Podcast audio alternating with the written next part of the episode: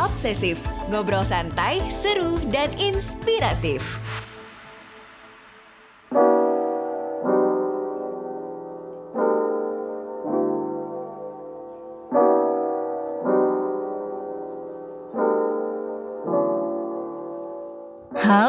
Teman obsesif, jumpa kembali di podcast terbaru dari Obsesif by Media Podcast Network. Sebelum mendengarkan sesi wawancara kali ini, jangan lupa untuk follow dan beri rating terbaikmu untuk podcast Obsesif di Spotify, serta nyalakan notifikasinya ya supaya kamu bisa terinfo setiap ada episode terbaru yang tayang di hari Minggu. Jangan lupa juga follow Instagram dan TikTok kami di @media supaya nggak ketinggalan info terbaru seputar podcast di jaringan media lainnya. Teman obsesif, data merupakan suatu hal yang penting dalam suatu publikasi. Gak hanya itu, data juga membuktikan kebenaran suatu argumen yang dibawakan oleh tulisan itu. Nah, ternyata ada istilahnya nih, yaitu scientific writing. Menurut Dr. Rick Lombardo dari Office of Graduate Studies University of Nebraska Lincoln, scientific writing atau tulisan ilmiah adalah teknik penulisan yang dilakukan oleh ilmuwan atau peneliti dalam mengomunikasikan hasil riset mereka kepada orang lain. Lantas, bagaimana kita bisa mempelajari teknik penulisan ilmiah? Kita bakal ngobrol banyak bersama Syarif Maulana, dosen filsafat Universitas Parayangan. Yuk kita simak bincang-bincang Suliana Andiko, Project Manager Media by KG Media bersama Syarif Maulana berikut ini.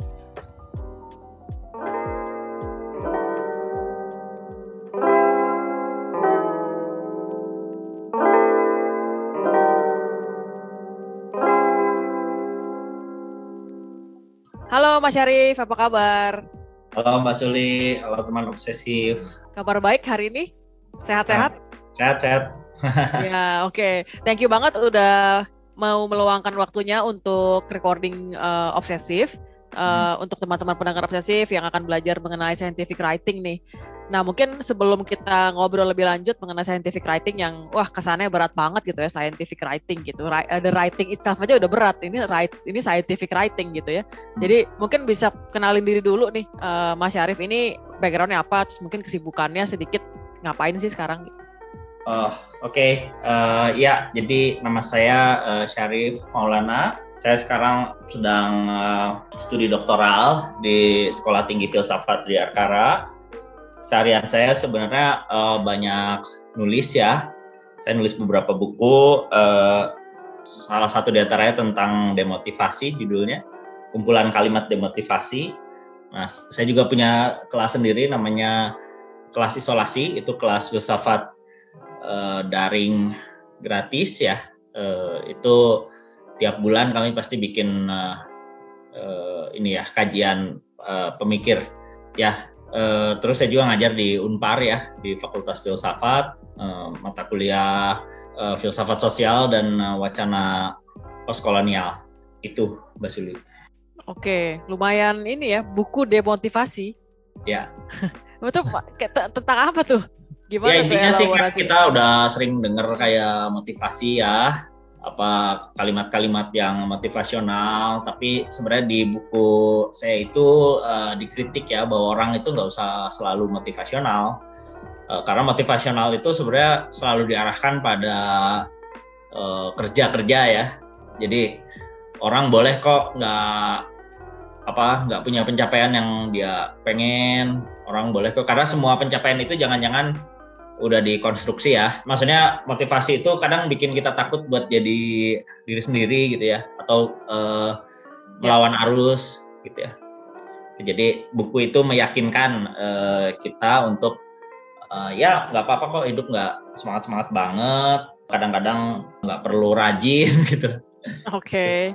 Kalau mager juga ya silahkan gitu ya. Ya silahkan aja ya, nggak ya, apa-apa. Ya, ya ini kayak kayak kayaknya terpengaruh sama ini nih apa namanya uh, toxic positivity nih sekarang. Nih. Ya Sebenarnya, sekarang lagi musim kan ya. ya karena kan, pandemi juga optimisme hmm. kan nggak ngaruh ya. Kita yakin pandemi selesai kapan selesai kapan tapi ternyata nggak selesai selesai. Ya, ya, bener-bener. Oke. Okay. Ya tuh lagi sering di, sering dibahas ya. Kalau uh, yuk bisa yuk ya kalau nggak bisa terus kenapa emang? Gitu. emang kalau ngomong sama orang filsafat nih ya, lalu terbaliknya gitu. Oke. Okay.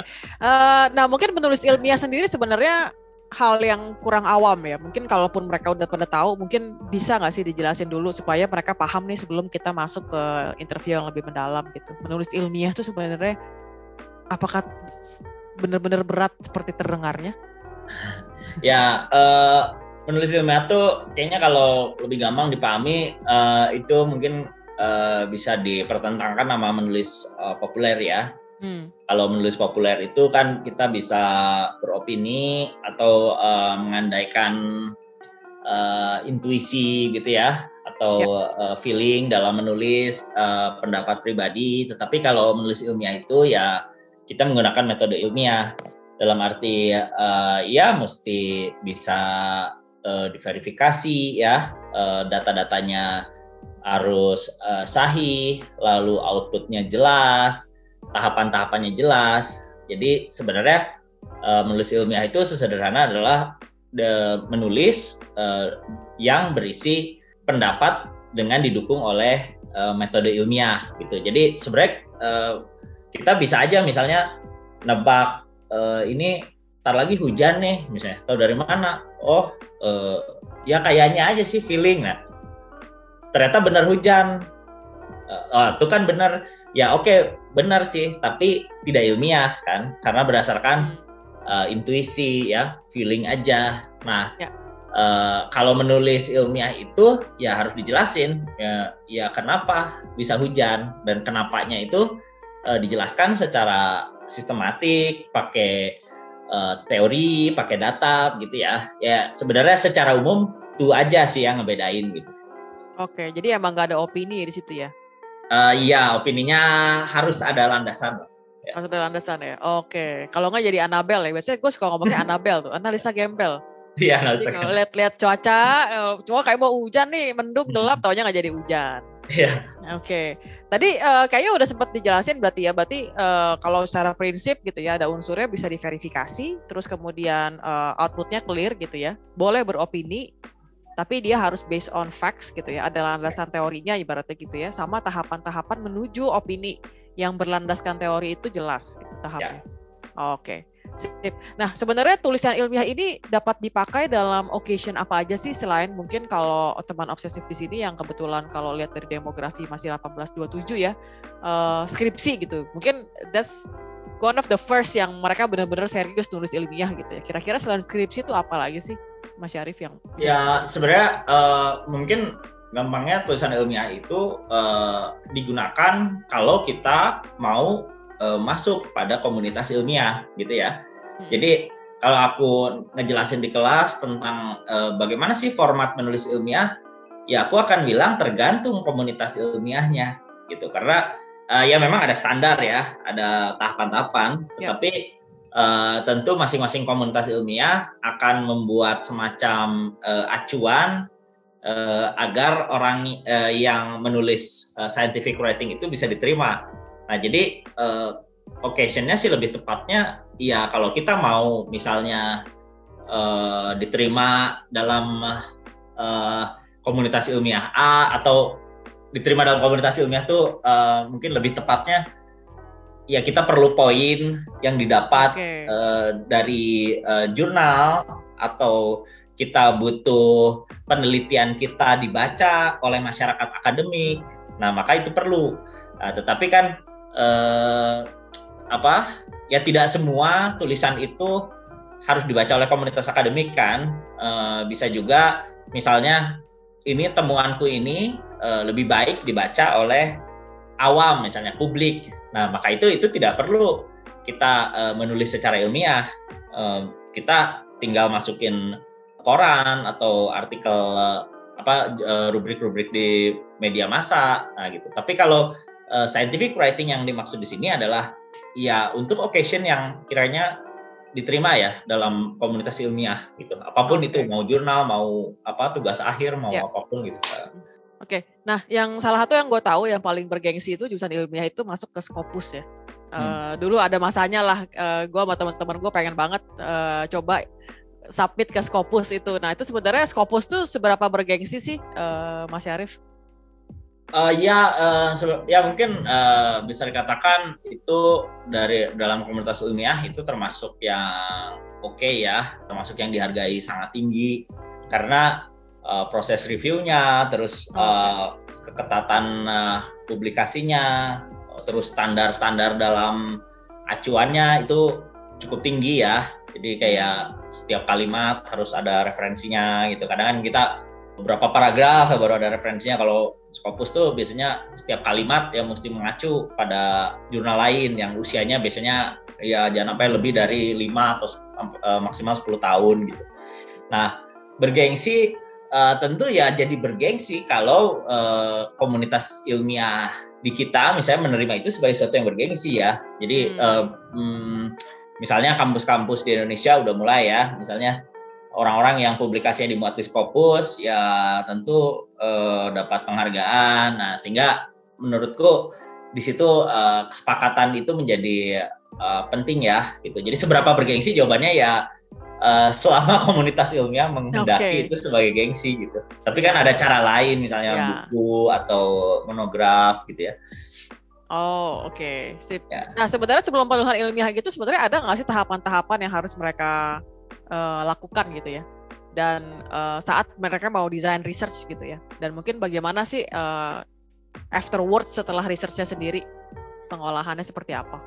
Uh, ya sebenarnya uh, masalah dari menulis ilmiah itu uh, salah satunya adalah masalah dalam menulis pada umumnya ya biasanya orang menuangkan dari ide ke dalam tulisan itu kan uh, suka ini ya suka susah ya jadi ide di kepalanya ya, benar, banyak benar. tapi pas nulisinnya uh, susah nah itu menurutku masalah umum jadi memang nomor satu ya orang harus uh, bisa menulis ya gitu jadi uh, bisa bisa teori saja, bisa metode ilmiah saja tidak cukup, tetapi orang harus bisa nulis. Nah, kemudian mengikuti nanti eh, apa mempersiapkan eh, ya problem statementnya apa. Jadi kita mau meneliti apa. Nah, itu juga kadang orang eh, susah ya. Jadi kita tertarik sesuatu tapi kita nggak tahu eh, sebenarnya apa yang mau kita teliti gitu.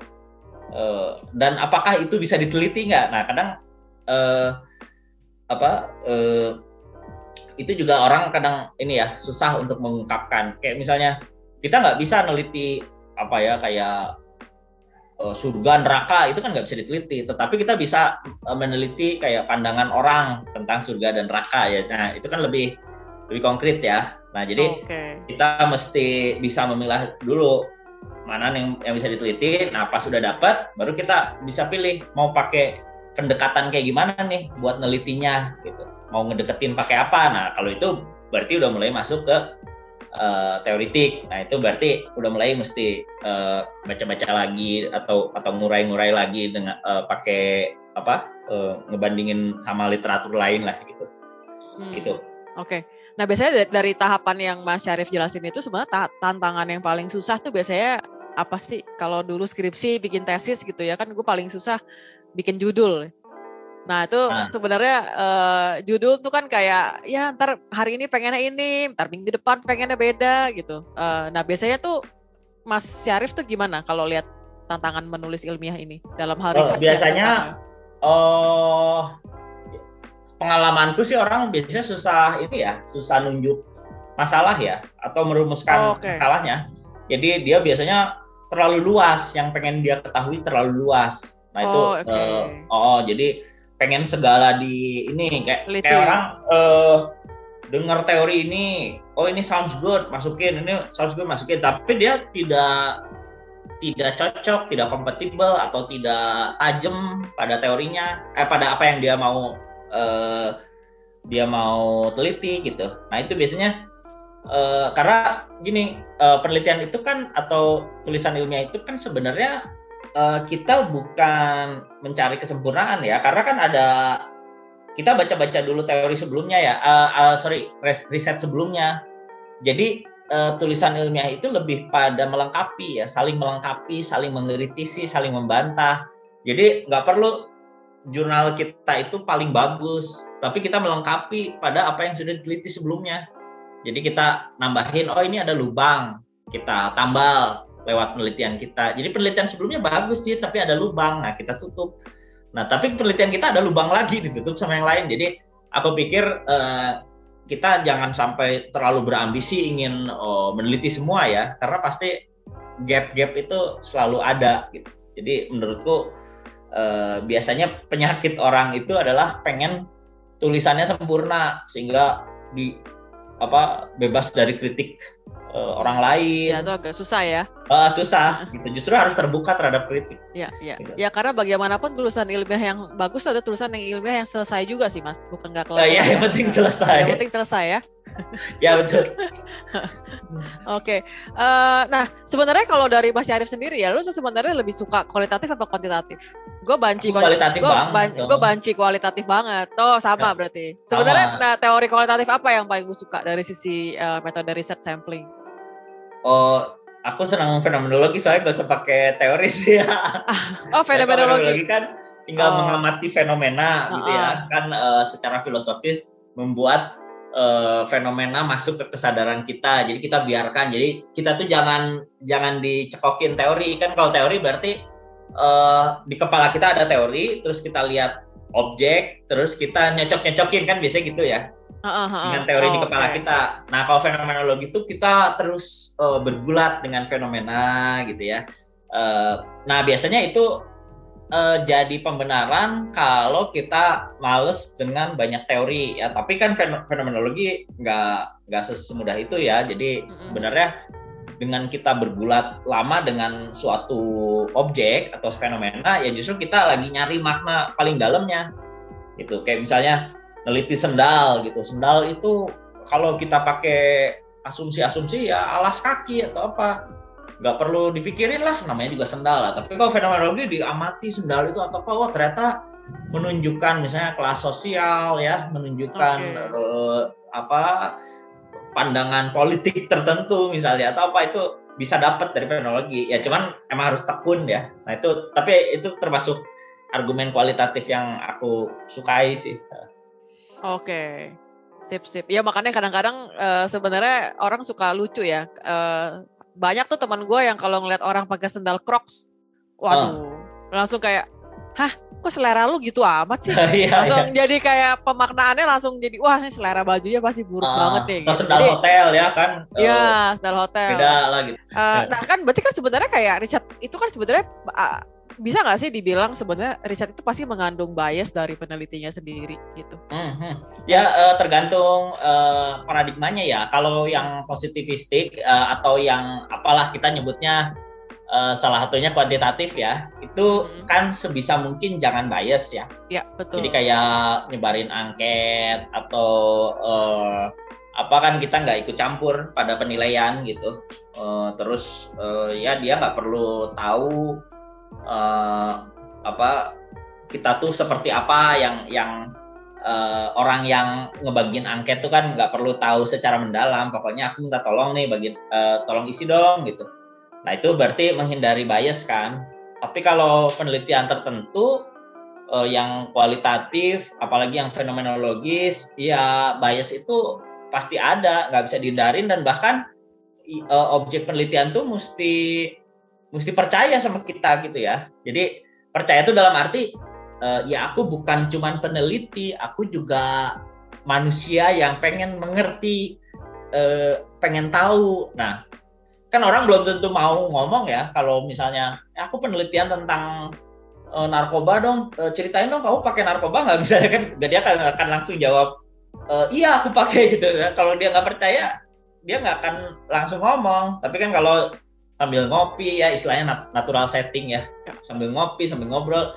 Eh uh, gimana? Uh, lu pengalaman pakai narkoba atau apa? Nah dengan ngobrol apa apa? Enggak lah cerita aja. Jangan anggap gua peneliti tapi ya anggapnya temen. Nah, nah itu memang bias ya. Jadi kitanya ada empati justru. Jadi ada wah uh, sedih juga ya atau apa. Nah itu ternyata bisa terjadi dalam penelitian dan bahkan bisa menggali sesuatu yang lebih dalam Nah itu menurutku asumsi uh, kualitatif yang uh, ini ya, yang lebih dalam menurutku ya. Oke, okay. sip sip. Jadi ya emang emang mau nggak mau tetap pasti ada unsurnya ya, cuma tinggal Ya kalau paradigma tertentu ya. memang harus ada ininya ya, Ya. harus ada bias. Bahkan kalau kritis itu eh, paradigma kritis itu malah mesti mesti jelas posisi kita ya kayak misalnya eh, aku mau kritik eh apa pembangunan eh, ini tertentu apa eh, kedai kopi tertentu yang bermerek di satu tempat ya dia harus eh, kritikal ya. Jadi dia harus eh, langsung menyerang gitu ya. Apa yang dia mau serang gitu. Dia nggak usah cari-cari fakta atau eh, misalnya wawancarain bosnya "Eh, Pak benar Bapak melakukan eksploitasi kan nggak nggak usah. Tapi kita kritik aja. Nah itu kan berarti bukan lagi bias itu mah langsung punya posisi yang eh, jelas gitu. Oh, oke. Sip. Nah, kemudian sebenarnya kalau misalnya Mas Syarif lihat ya, kan t- tadi kan lu ngomong nih soal verifikasi, soal output yang jelas, eh, terus juga soal eh, tahap yang jelas sistematika gitu ya. Sebenarnya eh, trait utama seorang penulis ilmiah gitu ya, atau seseorang yang suka menulis soal ilmiah itu sebenarnya trait utama yang perlu mereka miliki itu apa sih? Jadi kepribadian seperti apa yang harus dimiliki Oh. oleh oleh orang-orang yang doyan banget nih sama hal-hal yang berbau ilmiah? Eh, ya yang pasti keingin tahuan ya. Dengan tahuan yang ya. besar itu penting. Jadi dia eh, sebenarnya bedanya neliti sama enggak kan? Yang neliti itu eh, secara umum lebih tekun kan? Dia Ya, lebih benar, mau benar. menggeluti satu hal eh, dan mungkin bisa jadi itu jadi proyek seumur hidupnya gitu. Kayak temanku ada peneliti wayang golek ya orang Prancis eh, nah dia tuh beneran cuman eh, apa cuman itu aja gitu selama 15 tahun selama 20 tahun dia bahkan eh, dari Prancis datang ke Indonesia tuh sampai nikah sama eh, keluarga eh, pembuat eh, wayang golek Oke. ya eh, keluarga Giri benar-benar- Harja Bener-bener karena dia seadanya ya. Heeh, dia dia nggak mau nanggung gitu meneliti dia Hmm. harus masuk ke dalam eh, lingkungan dan cara masuk lingkungan ke dalam lingkungan gimana ya menikahlah eh, dengan anak dari eh, apa pembuat wayang golek itu dan sebagainya jadi eh, aku pikir totalitas seperti itu ya menunjukkan ini ya peneliti yang menurutku luar biasa walaupun dengan segala resiko eh, Iya, menurutku benar-benar. ya gitu Oke. Eh, jadi keingintahuan, kemauan untuk meneliti, ya kita bisa aja sih nggak. Menurutku yang bukan peneliti itu adalah ya dia pengen tahu, baca, oh oke aku ngerti sedikit nggak apa-apa sih, gitu, udah cukup, gitu, nggak apa-apa. Nah kalau penelitian tuh, eh tar dulu, gue pengen masuk lebih dalam nih, gue pengen tahu kenapa, gue pengen tahu eh, apa dampak-dampaknya dan lain-lain gitu. Menurutku itu sih keingintahuan dan eh, ketekunan ya. Ketekunan ya. Oke. Eh, nah, kemudian eh, sekarang kan lagi tren juga ya soal penulisan ilmiah populer ya. Sebenarnya eh, kenapa ya kemudian banyak banget waktu itu eh, waktu gue masih di harian Kompas ya di Kompas Institute tuh sering banget bikin penulisan ilmiah populer. Nah, yang ikut tuh ternyata banyak banget orang-orang public relation gitu. Ini coba kita kaitkan dengan konteks eh, apa namanya profesi sekarang gitu ya. Eh, Hmm. Kenapa ya kalau dari Mas Syarif lihat fenomena itu eh, banyak terjadi malah di profesi yang PR gitu.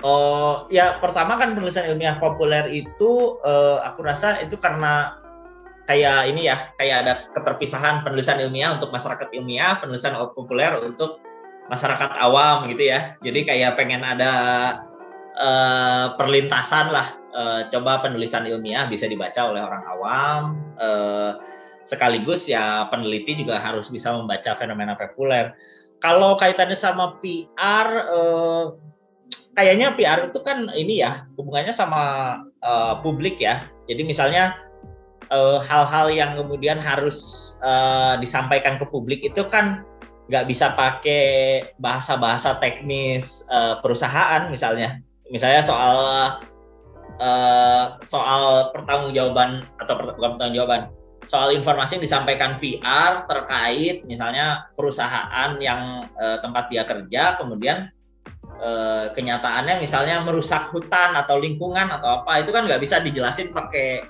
istilah teknis bahwa kami sebenarnya sudah eh, apa eh, ya limbah ini sudah kami produksi atau atau kami olah ulang pada apa nah, itu kan nggak bisa terlalu eh, teknis ya mungkin perlu diterjemahkan pada bahasa publik misalnya oh, kami sudah menanam seribu pohon eh, pada uh, hari apa gitu. Ini sebagai uh, bentuk kepedulian kami terhadap lingkungan. Jadi menurutku uh, itu ini ya apa kayak uh, PR menjadi punya tanggung jawab pada publik untuk menyampaikan apa yang sudah dilakukan perusahaan tapi nggak pakai bahasa teknis uh, perusahaan oh, okay. ya. Jadi bahasanya uh, lebih lentur gitu ya? Lentur lah, lebih lebih uh, awam, ya? lebih ngerti ya. Oke. Okay. Nah, sebenarnya dari dari karena kan berarti Mas Syarif kan udah udah filsafat ya, doyan penulisan ilmiah gitu kan. Sebenarnya apa sih sebenarnya yang paling bikin itu berpengaruh pada diri diri lu gitu ya? Dari dari dari hobi do filsafat terus kemudian menulis ilmiah gitu. Apa yang berubah dari dari Mas Syarif? Uh, ya ya aku pikir uh, nulis ilmiah itu kan uh, sebenarnya gini kalau filsafat itu kadang bisa agak ini ya agak dalam tanda kutip bebas lah. Dalam arti kan kita pakai akal budi lah istilahnya ya. E, karena filsafat e, kadang bisa dibedakan dari sains ya kan? Kalau ya, sains ya. kan butuh pembuktian butuh data okay. butuh kadang filsafat mah pakai akal aja pakai nalar gitu pakai argumentasi pakai kemampuan berpikir logis gitu. Uh, tetapi kan uh, uh, jadinya terbatas. Kadang-kadang pakai pakai nalar itu juga kadang terlalu apa ya terlalu liar gitu lah hmm. jadi kita mau uh, neliti apa ya kayak kemarin aku nulis tentang Yamet Kudasi apa ini uh, membela musik jelek. Oh jadi kita uh, Yamet Kudasi dipandang dari kacamata psikoanalisis uh, uh, ya itu bisa sih pakai nalar gitu aja tapi kan uh, kurang ketat ya. Jadi itu kalau buat populer oke. Okay, tetapi uh, aku ditantang sih kalau kalau untuk menulis uh, di uh, di tulisan ilmiah itu uh, gimana caranya bahwa aku nggak cuma berargumen pakai nalar tapi aku aku juga harus punya uh, dukungan dukungan data ya uh, atau metode-metode tertentu. Jadi uh, menurutku aku jadi lebih bertanggung jawab aja berfilsafatnya gitu jadi berfilsafat pun jangan ini ya uh, kan orang kadang apa uh, ngecapruk gitu ya. Jadi pokoknya bebas lah. Okay. Merenung gitu pokoknya yeah, merenung yeah, bebas yeah. nah kadang-kadang kita perlu juga yang agak ketat. Jadi ini kesimpulannya diambil dari mana nih? Ada datanya nggak? Walaupun di filsafat aku diajarin untuk nggak terlalu tunduk juga sama data-data uh, saintifik gitu ya. Jadi karena uh, anggapannya ya orang pakai data juga kan kemudian ditafsir.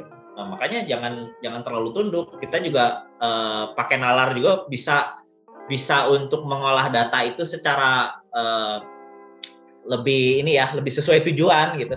Nah, jadi menurutku yeah, yeah. Uh, di situ uh, filsafat tuh bisa uh, filsafatku bisa bertanggung jawab dengan menulis ilmiah. Oke, okay. uh. sip.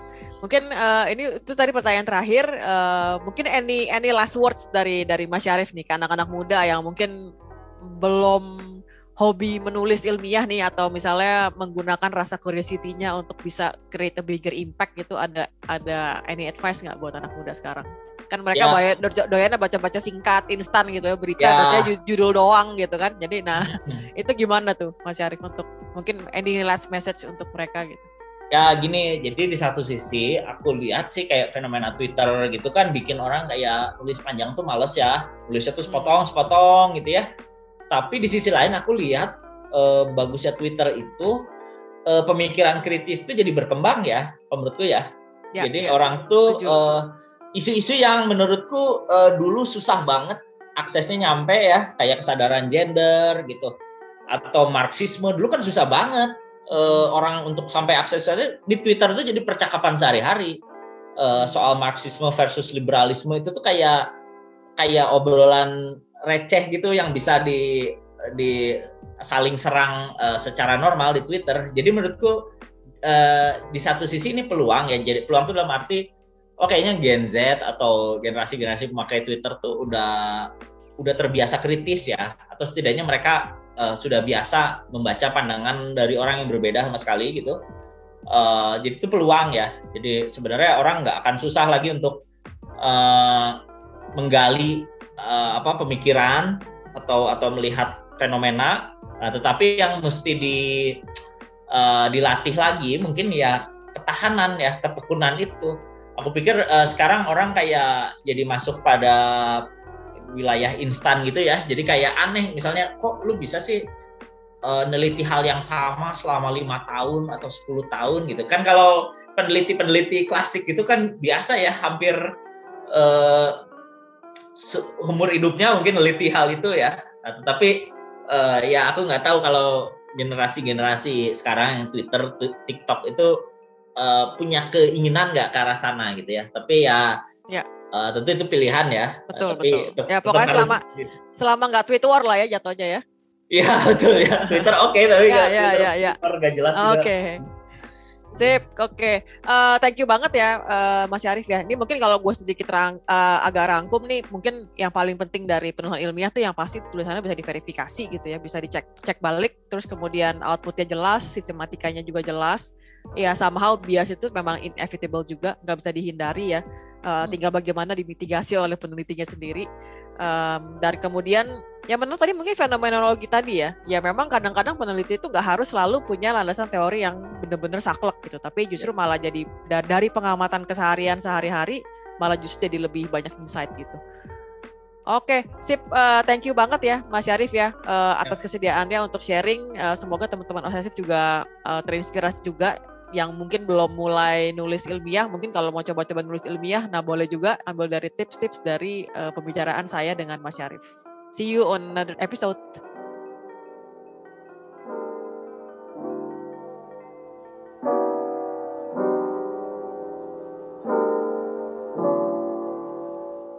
Wah, bener-bener obrolan yang seru banget.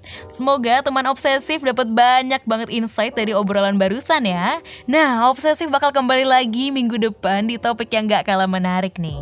Akhir kata, aku Intania Ayu Mirza dan segenap kru obsesif pamit undur diri. See you on the next episode.